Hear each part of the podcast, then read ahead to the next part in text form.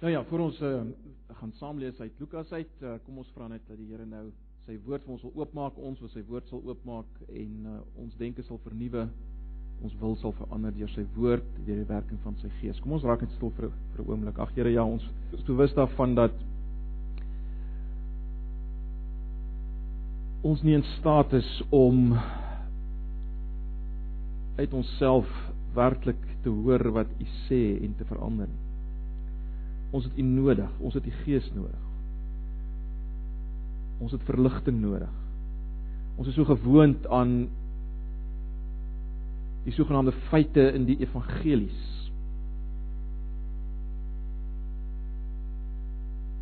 Dat ons dat ons dikwels mis dit wat U vir ons elkeen persoonlik wil sê daardeur. En dis ons gebed dat U dit sal doen. Asseblief, Here.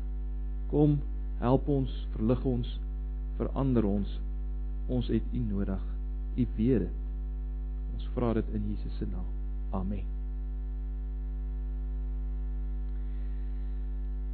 Goed, as jy by die evangelie van Lukas is, ons uh, is vanoggend by Lukas 3 vers 21 vers tot 4 vers 14 en vanoggend uh, is dit 'n bietjie kleiner gedeelte. Ek het besluit dat ek die gedeeltes bietjie kleiner maak. Uh net makliker om dit te hanteer.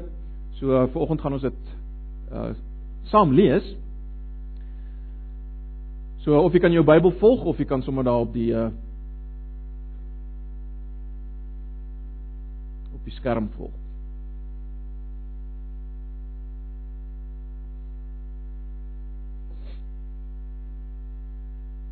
Kom ons lees vanaf vers 21. En toe die hele volk is die 53 vertaling ja sover ek weet.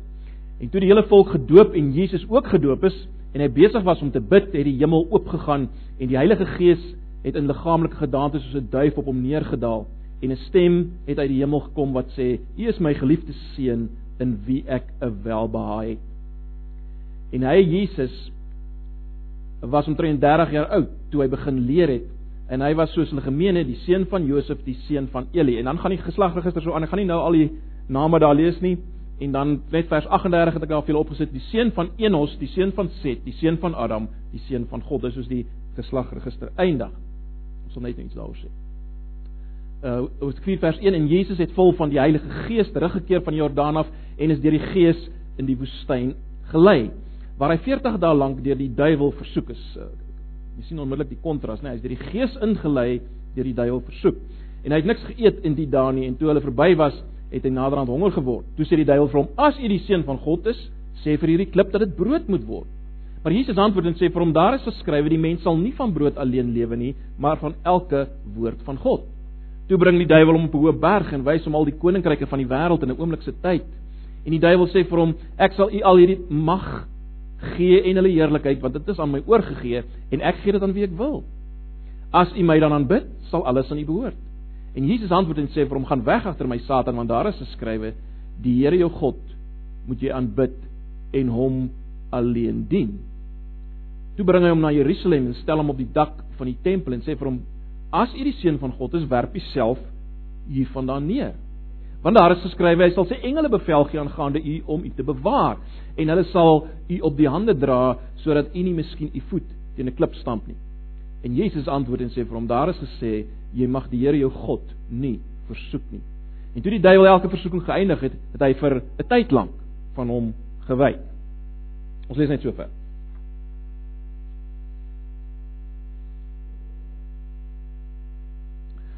Superman weet ons lyk soos 'n doodgewone normale mens. Maar hy is dit nie, né?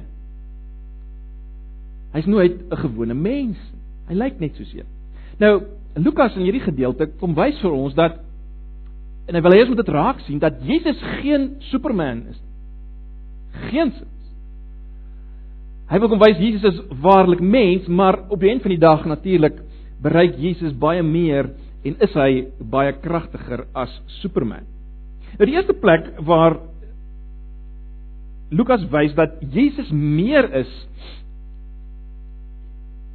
of anders is as Superman, waar Lukas kom wys dat Jesus waarlik mens is, is natuurlik Jesus se doop. Nou ons ons ken almal die verhaal uh van Jesus se doop klein verskilletjies in die weergawe van Jesus se doop tussen die evangelies. Baie interessant in Lukas se weergawe sou julle gesien het Lukas lê klem op die feit dat Jesus gebid het. En toe hy bid, het die hemel oopgegaan. Geskeur, as jy wil. Die hemel het oopgegaan en die Heilige Gees het soos 'n duif neergedaal uh op Jesus en 'n stem het gekom uit die hemel. Dit is my geliefde seun in wie ek 'n welbehae het.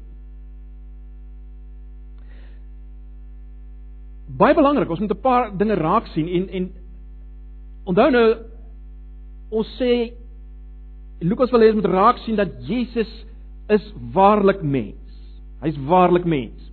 En ons sien dit as Jesus eerstens bid. As hy iets anders was as waarlik mens, sou hy bid? Hy het gebid en dit is baie interessant dat die gebed wat hy bid herinner mense aan die gebed in Jesaja 64 vers 1. Ag as U maar die hemele wou skeur, wou neerdal dat die berge wankel voor U. Nou, dis 'n gebed uh in eindtyd konteks, nê. Nee, dis die dis die begeerte, die gebed van Jesaja dat God uiteindelik sal kom, die hemele sou skeur, sou afdaal en die volk sou red uit hulle ellende uit. Onthou dis 'n dis 'n dis 'n dis 'n is 'n gebed as te ware binne die smart van ballingskap. Slawerny. En hier kom Jesus. En hy bid. En die hemel is skeur. En die Heilige Gees, God die Gees daal neer. Daar's ander dinge wat ons moet raak sien. Uh, ons ons ons het nou ver, verwys na Jesaja en dit is baie interessant. Die inhoud van dit wat die stem uit die hemel sê, herinner natuurlik ook weer aan Jesaja. Net so terloops, as mens besig is met Lukas in sy een werk Lukas en Handelinge, uh kan mens nie mis dat hy werk geweldig sterk met Jesaja as agtergrond. As jy dit nie raak sien nie, dan mis jy eintlik uh, 'n groot deel van Lukas en Handelinge. ons kry in julle sal weet in die laaste so van hoofstuk 40 af in Jesaja hierdie geheimsinnige figuur, die sogenaamde knegg van die Here of die 83 vertaling praat van die dienaar van die Here. Geheimsinnige figuur, uh by tye lyk dit asof hierdie hierdie dienaar Israel is. By tye lyk dit asof hy Kores is. Maar dan is daar sekere tye wat dit baie duidelik is, hy's totaal iets anders. Hy neem Israel se rol oor en ons sal dit nou as ons by Handelinge kom gaan ons na 'n hele paar gedeeltes kyk. Maar baie interessant, hierdie knegg natuurlik is die knegg waaroor Jesaja 53 praat. Die een wat soos 'n lam ter slagting gelei is en wat stil was voor sy skeerders. Jesaja 53, julle ken dit. En baie interessant, In Jesaja 42 vers 1 word hierdie knegg as te ware bekend gestel. Daar is my knegg wat ek ondersteun, my uitverkorene wie my siele welbehaag. Ek het my gees op hom gelê. Hy sal die reg na die nasies bring. Dis die stem uit die hemel. Jy sien hierdie knegg. As jy uiteindelik by Jesaja 53 kom, dan weet jy hierdie knegg is niemand anders as Jesus nie. Nee. Hy is niemand anders as Jesus. Daar is natuurlik nog 'n teks wat ekho in die woorde van uit die hemel En dit is Genesis 22 vers 2. Toe sê hy: "Neem jou seun, jou enigste wat jy liefhet, Isak, en gaan na die land Moria en offer hom daar as 'n brandoffer op een van die berge wat ek jou sal aanwys. Neem jou seun, jou enigste wat jy liefhet." So, wat ons hier moet raak sien dat Jesus is geliefd en hy's kosbaar vir God, maar hy's terselfdertyd die lydende knegg van Jesaja. Die lydende knegg van Jesaja. Dis al hier duidelik. Lukas wil hê ons moet raak sien. Hy stap die pad van die lydende knegg van Jesaja. Hy ontkom dit nie. Hy kan dit nie sy stap nie. Ons gaan nou weer iets daaroor sê. Die tweede plek waar Lukas vir ons aandui dat Jesus is waarlik mens, is natuurlik deur die geslagregister. Nou, uh as jy al die geslagregisters gelees het, Matteus en Lukas verskil natuurlik, né? Nee. Uh Matteus begin basies by Abraham. Baie prominent, hy begin by Abraham en uh en werk deur na na Jesus toe. Lukas gooi alles om. Hy begin by Jesus, Josef sy pa en dan werk hy die deur tot by Adam. So daar's twee groot verskille. Een begin by Abraham eindig by Josef, die een begin by Josef en eindig by Adam. Onmiddellik sien ons daar's 'n daar's 'n verskillende klem. Uh Duidelik Matteus wil meer die klem lê op Jesus as as die nageslag van Abraham. Lukas ook, maar hy wil wys hierdie Jesus is nog meer. Jy kan hom terugvoer na Adam toe. So, daar's 'n verskil in in volgorde natuurlik. Uh dis baie duidelik. Daar's 'n verskil in in lengte. Lukas se uh geslagregister is redelik langer as Matteus se en veral as dit kom by die die koninklike figure of die koninklike lyn, dan's Lukas baie langer. En ons weet nou al hoekom want want Lukas wil Jesus uitlig as die finale koning. Maar goed, daar's as miskien twee dinge wat ons moet raak sien. En dit is dat Lukas wil wys dat Jesus is 'n ware Jood maar 'n koninklike afstammeling. Hy stam af uit die koninklike lyn en dan baie belangrik en dis hoekom Adam inkom. Jesus kom vir die voordeel van die hele wêreld. En dit gaan Jesus in die moeilikheid bring. By die Jode. Hy kom vir die voordeel van die hele wêreld. Dit gaan hom in die moeilikheid bring. Ons moet dit raak sien. Ons moet dit raak sien. So, as ons terugstaan, dan kan ons sê Jesus se doop in sy geslagregister vertel vir ons waarvandaan kom Jesus, Dit sê vir ons wie hy is en dit sê vir ons waarna toe hy op pad is. Maar die vraag wat Lukas wil hê ons moet vra, waarskynlik wil hy ons moet vra en die vraag waarmee Jesus gesit het, was natuurlik die volgende. Wat beteken dit om God se geliefde seun te wees? Wat beteken dit? Net soos ek en jy die vraag moet vra, wat beteken dit om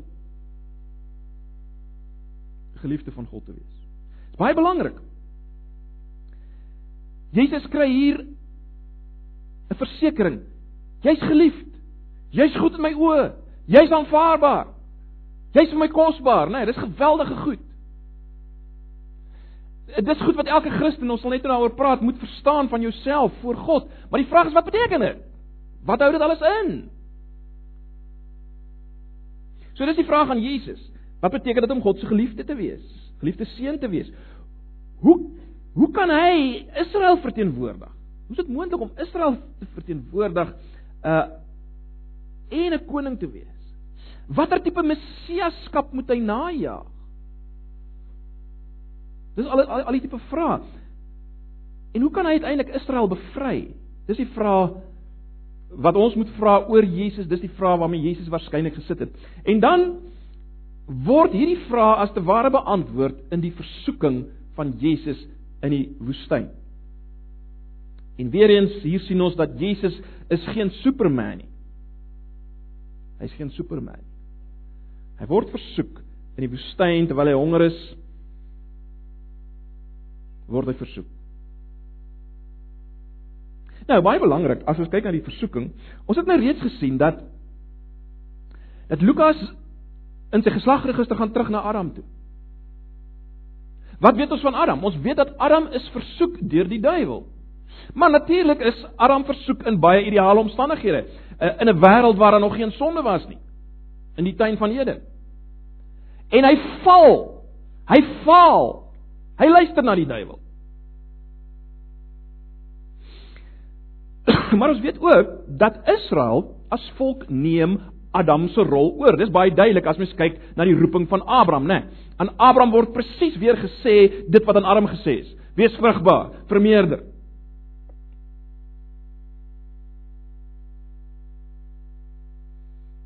Abraham en sy nageslag neem die rol oor van Adam. So Israel neem nie die rol oor van Adam. En Israel weet ons word in die woestyn versoek. En baie interessant, Israel word vir 40 jaar lank versoek, Jesus vir 40 dae. Daar's 'n baie uh, duidelike sinspeling nou, 40 40. Jesus is nou gaan staan as te ware nie net waar Aram staan nie, maar ook waar Israel staan. Jesus word versoek. Let wel, hy word deur die Gees gestuur om so versoek te word. Met ander woorde is baie duidelik, daar's doelmatigheid. Hy moet hierdie versoeking deurgaan. God die Gees lei hom om versoek te word want Hy moet iets doen in die plek van Adam en in die plek van Israel. So dis baie belangrik om dit raak te sien. Terloops ook interessant dat as mens praat van Israel, Jesus antwoord die Satan net uit Deuteronomium uit. Die verbondsboek. Die verbondsboek. Israel se verbondsboek. Jesus antwoord die Satan uit Deuteronomium uit. Goed, as ons kyk na die versoeking self,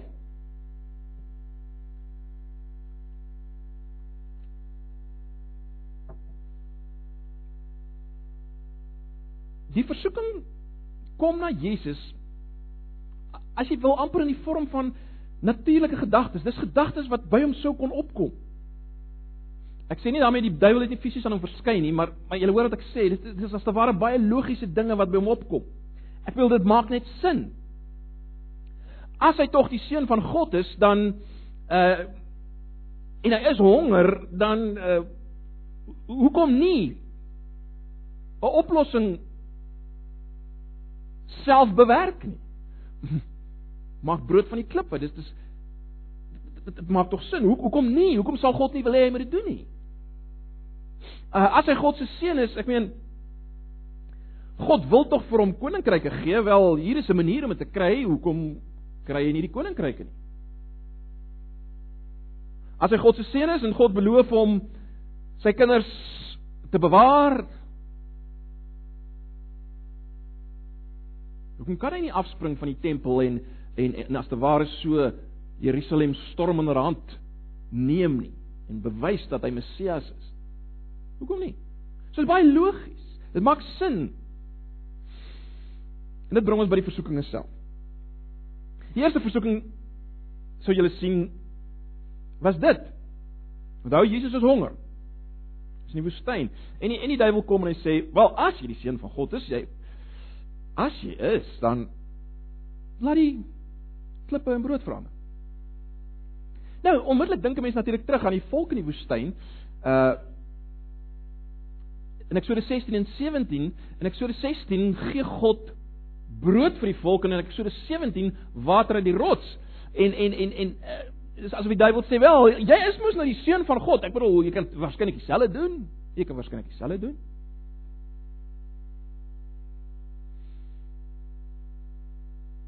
So dis eintlik 'n versoeking om sy mag te misbruik. Hy het die mag. Gebruik dit.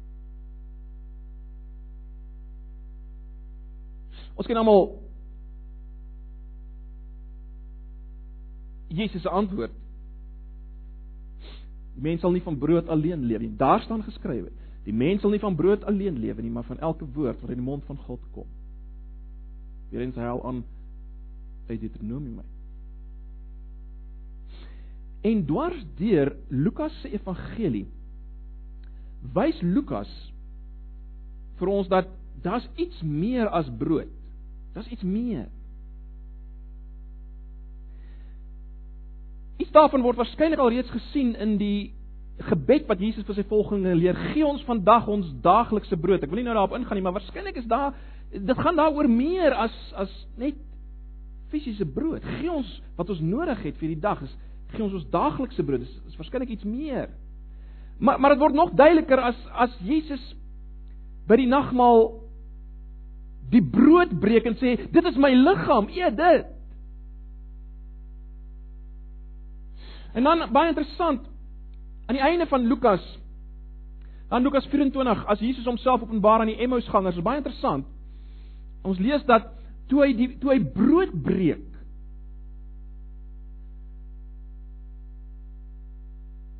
toe begin hulle hom as te ware sien en verstaan.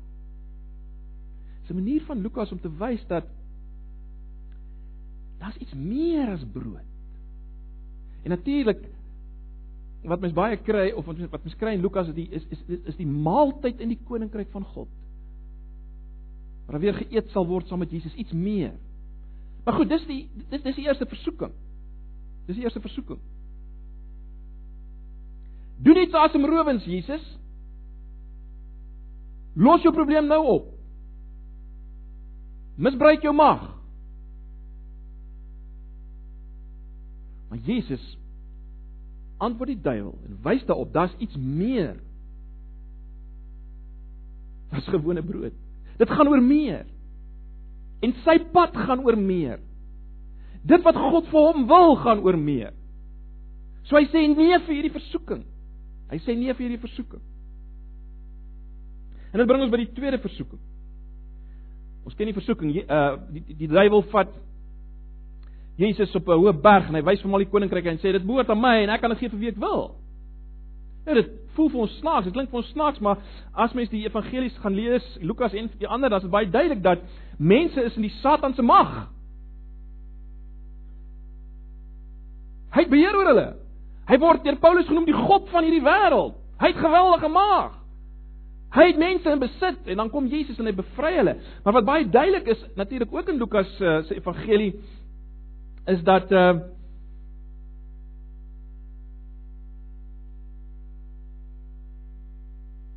dat hy sy posisie begin verloor as Jesus kom. Jesus sê byvoorbeeld in Lukas 10 vers 18 dat ek het die Satan soos 'n bliksem uit die hemel sien val. En as jy Openbaring 12 lees, dan sien jy wat is die gedagte is dat die duiwel met die koms van Jesus het as ware sy posisie verloor as aanklaer voor God se troon. Dat daar 'n verandering gekom het. Wil nie nou daarop ingaan nie. Hy het sy posisie verloor. Jesus as hy begin om uh, mense van duiwels te bevry, dan sê die mense ag ja, maar hy hy dryf deur Beelzebul, die owerste van die duiwel, dryf hy duiwels uit. En dan sê Jesus, "Wow, wow, hoe's dit moontlik?" En dan sê Jesus wel Daar's net een rede hoekom ek mense kan bevry van die duiwel. En dan dan gebruik hy die beeld dan sê hy as 'n sterk man gebind is, dan kan jy sy goed vat. Kan hy niks aan jou doen nie. So wat sê Jesus? Ek het die duiwel gekom bind. Die duiwel kom bind. Nou kan ek maak wat ek wil. Met sy in aanhalingstekens eiendom. Dis baie belangrik. So die versoeking is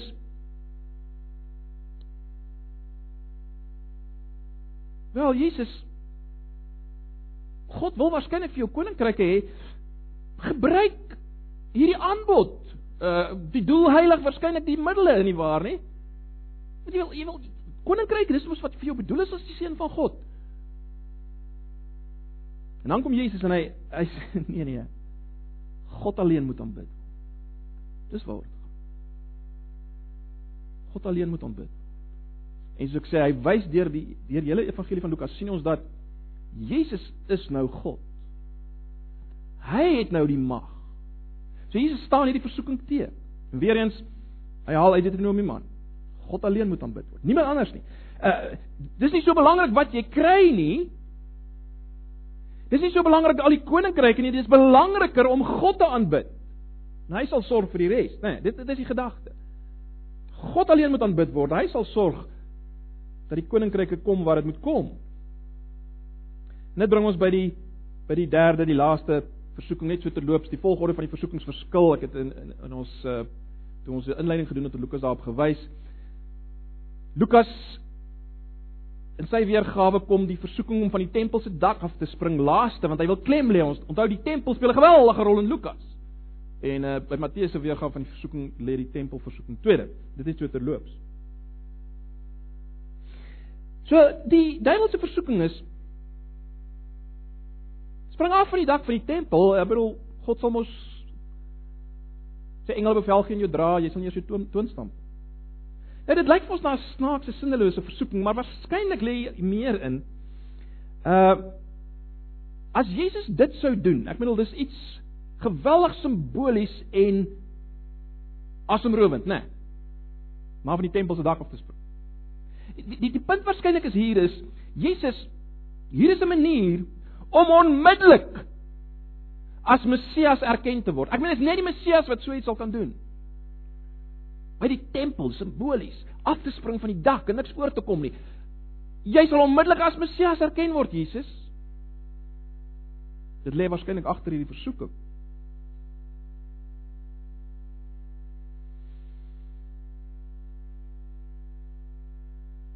Want Jesus besef die pad na na messiaskap. Dit sluit eintlik aan by die vorige, die pad na die koninkryk.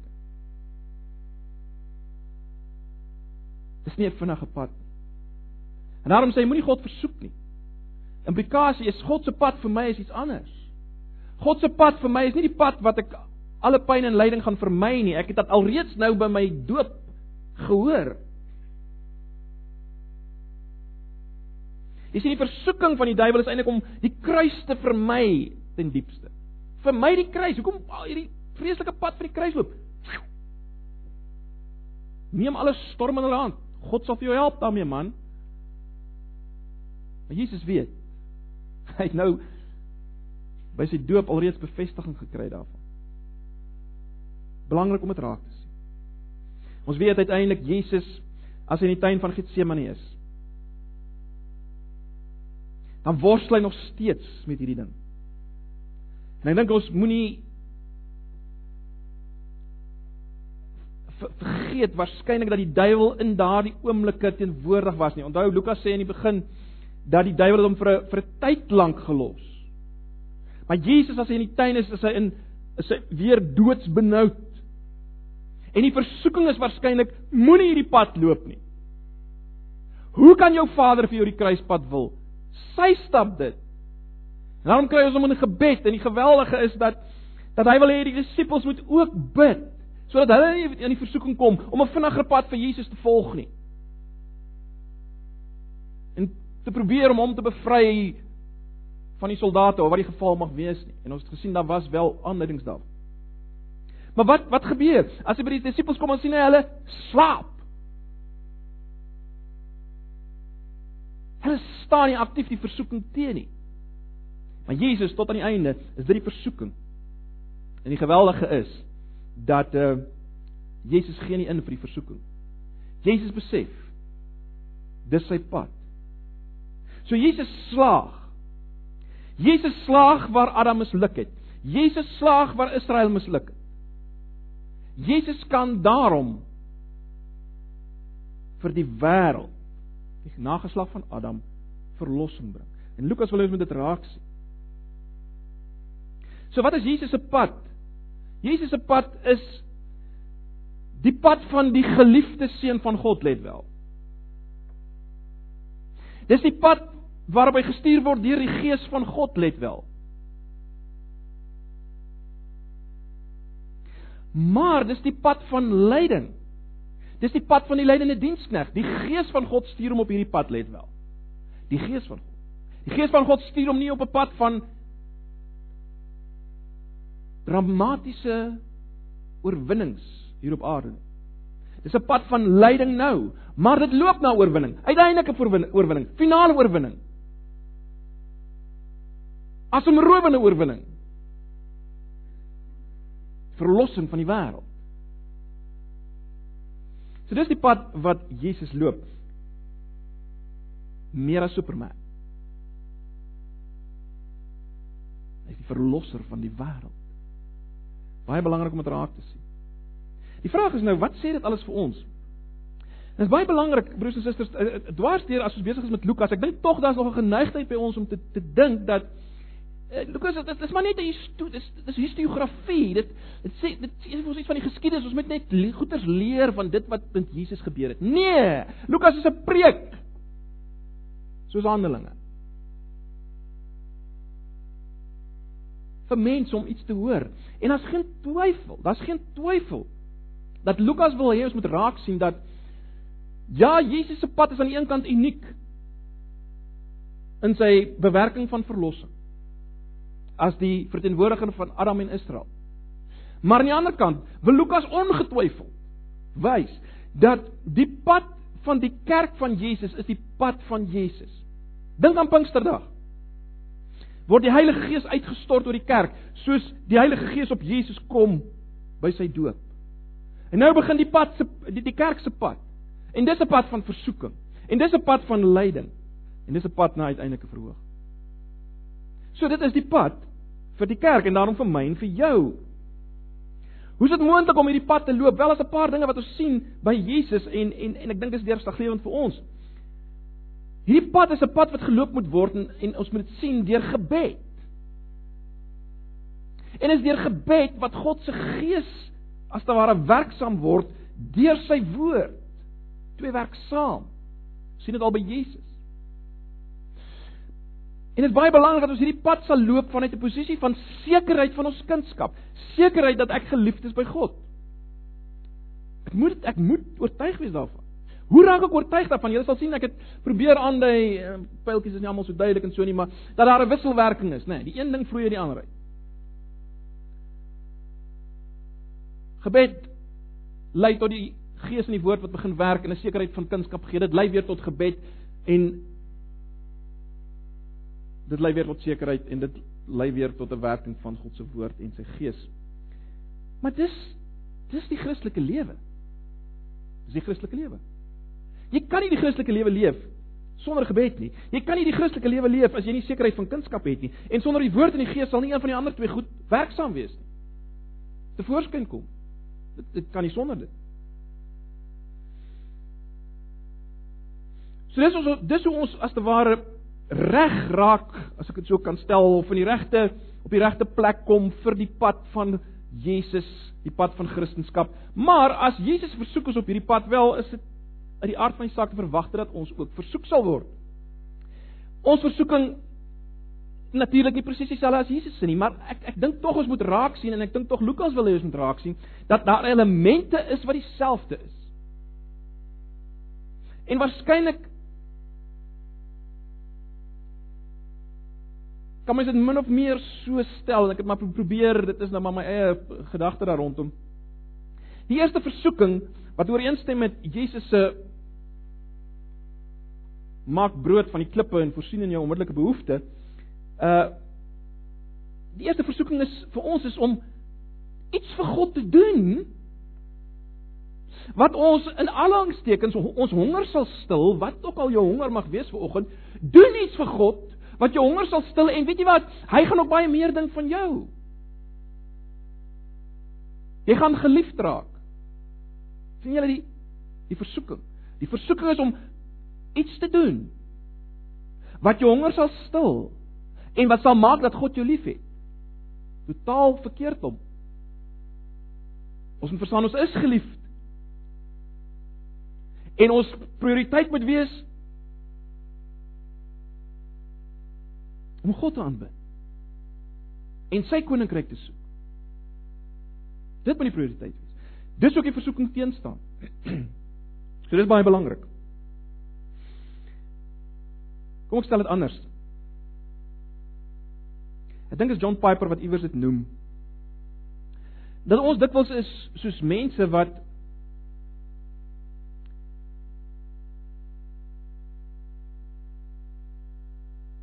met 'n emmertjie water gaan skep uit 'n dam en dan hardloop ons na 'n fontein en ons gooi dit op die fontein. Hardloop met ons emmertjies.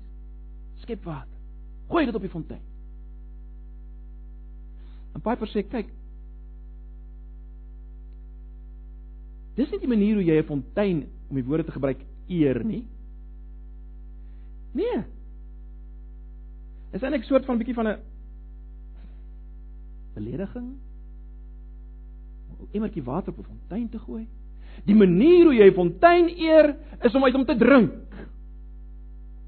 En dis baie die gedagte hier, nie waar nie? Ons wil goedjies doen om God te beïndruk. Ons voel dis wat hy wil hê. Hy wil hê ek moet iets vir hom doen. Nee, nee, nee, weet jy wat wil hy hê?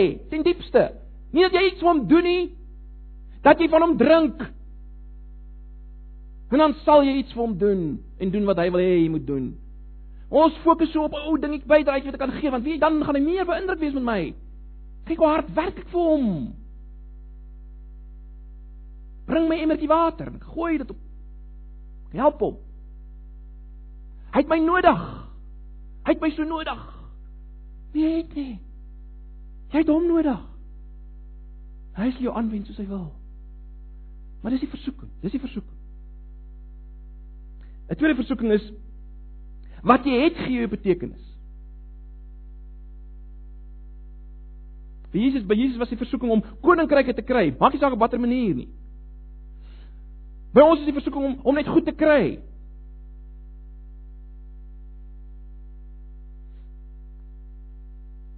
Geld nie net vir materiële dinge nie.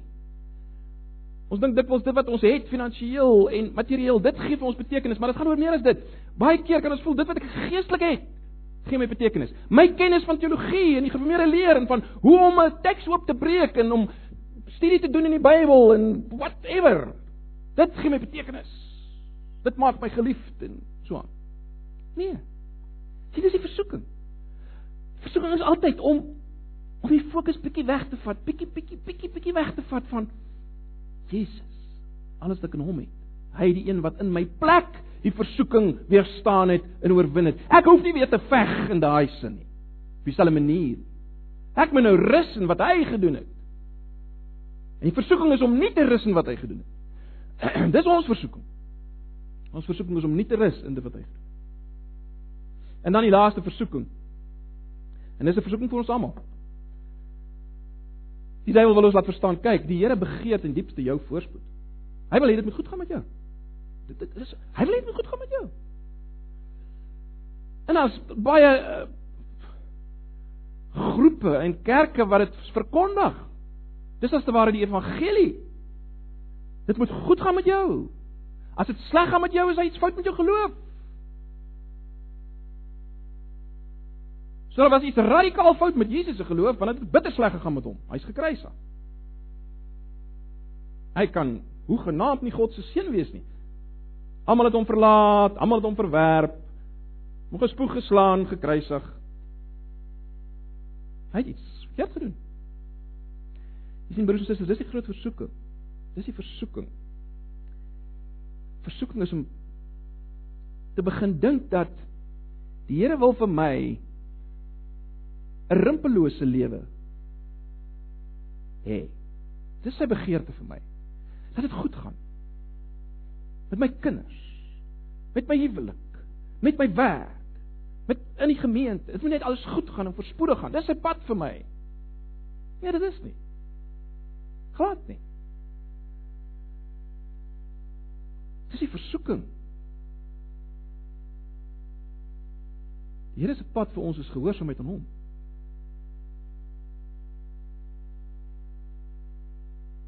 En wat gebeur terwyl ons gehoorsaam is aan hom? Dis in sy hande. Dis in sy hande. So dit is baie belangrik broers en susters om dit raak te sien. Uh ek sluit af.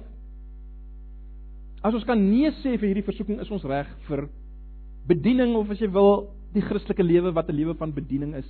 Maar let wel, die pad is 'n kruispad, soos Jesus se pad was. Die einde is oorwinning, moenie 'n fout maak. En daarom is ons uiteindelik oorwinning meer en groter as die van Superman. Maar die pad so intoe is 'n kruispad. Dis nie 'n pad van Superman van vlieg in plat slaan. Dis 'n kruispad met lyding en swaar kry, maar is bring uiteindelik oorwinning. Ag, mag die Here ons help om te hoor in dit wat hy vir ons wil sê deur hierdie gedeelte. Kom ons bid saam. Dan Here baie dankie vir u woord. Dankie vir die Lukas Evangelie. Dankie vir die Gees wat dit vir ons oopbreek. Help ons om te hoor en te leef in die lig daarvan. Asseblief, ons wil help ons. Ons glo, kom ons ongeloof te help. Ons vra dit in Jesus se naam. Amen.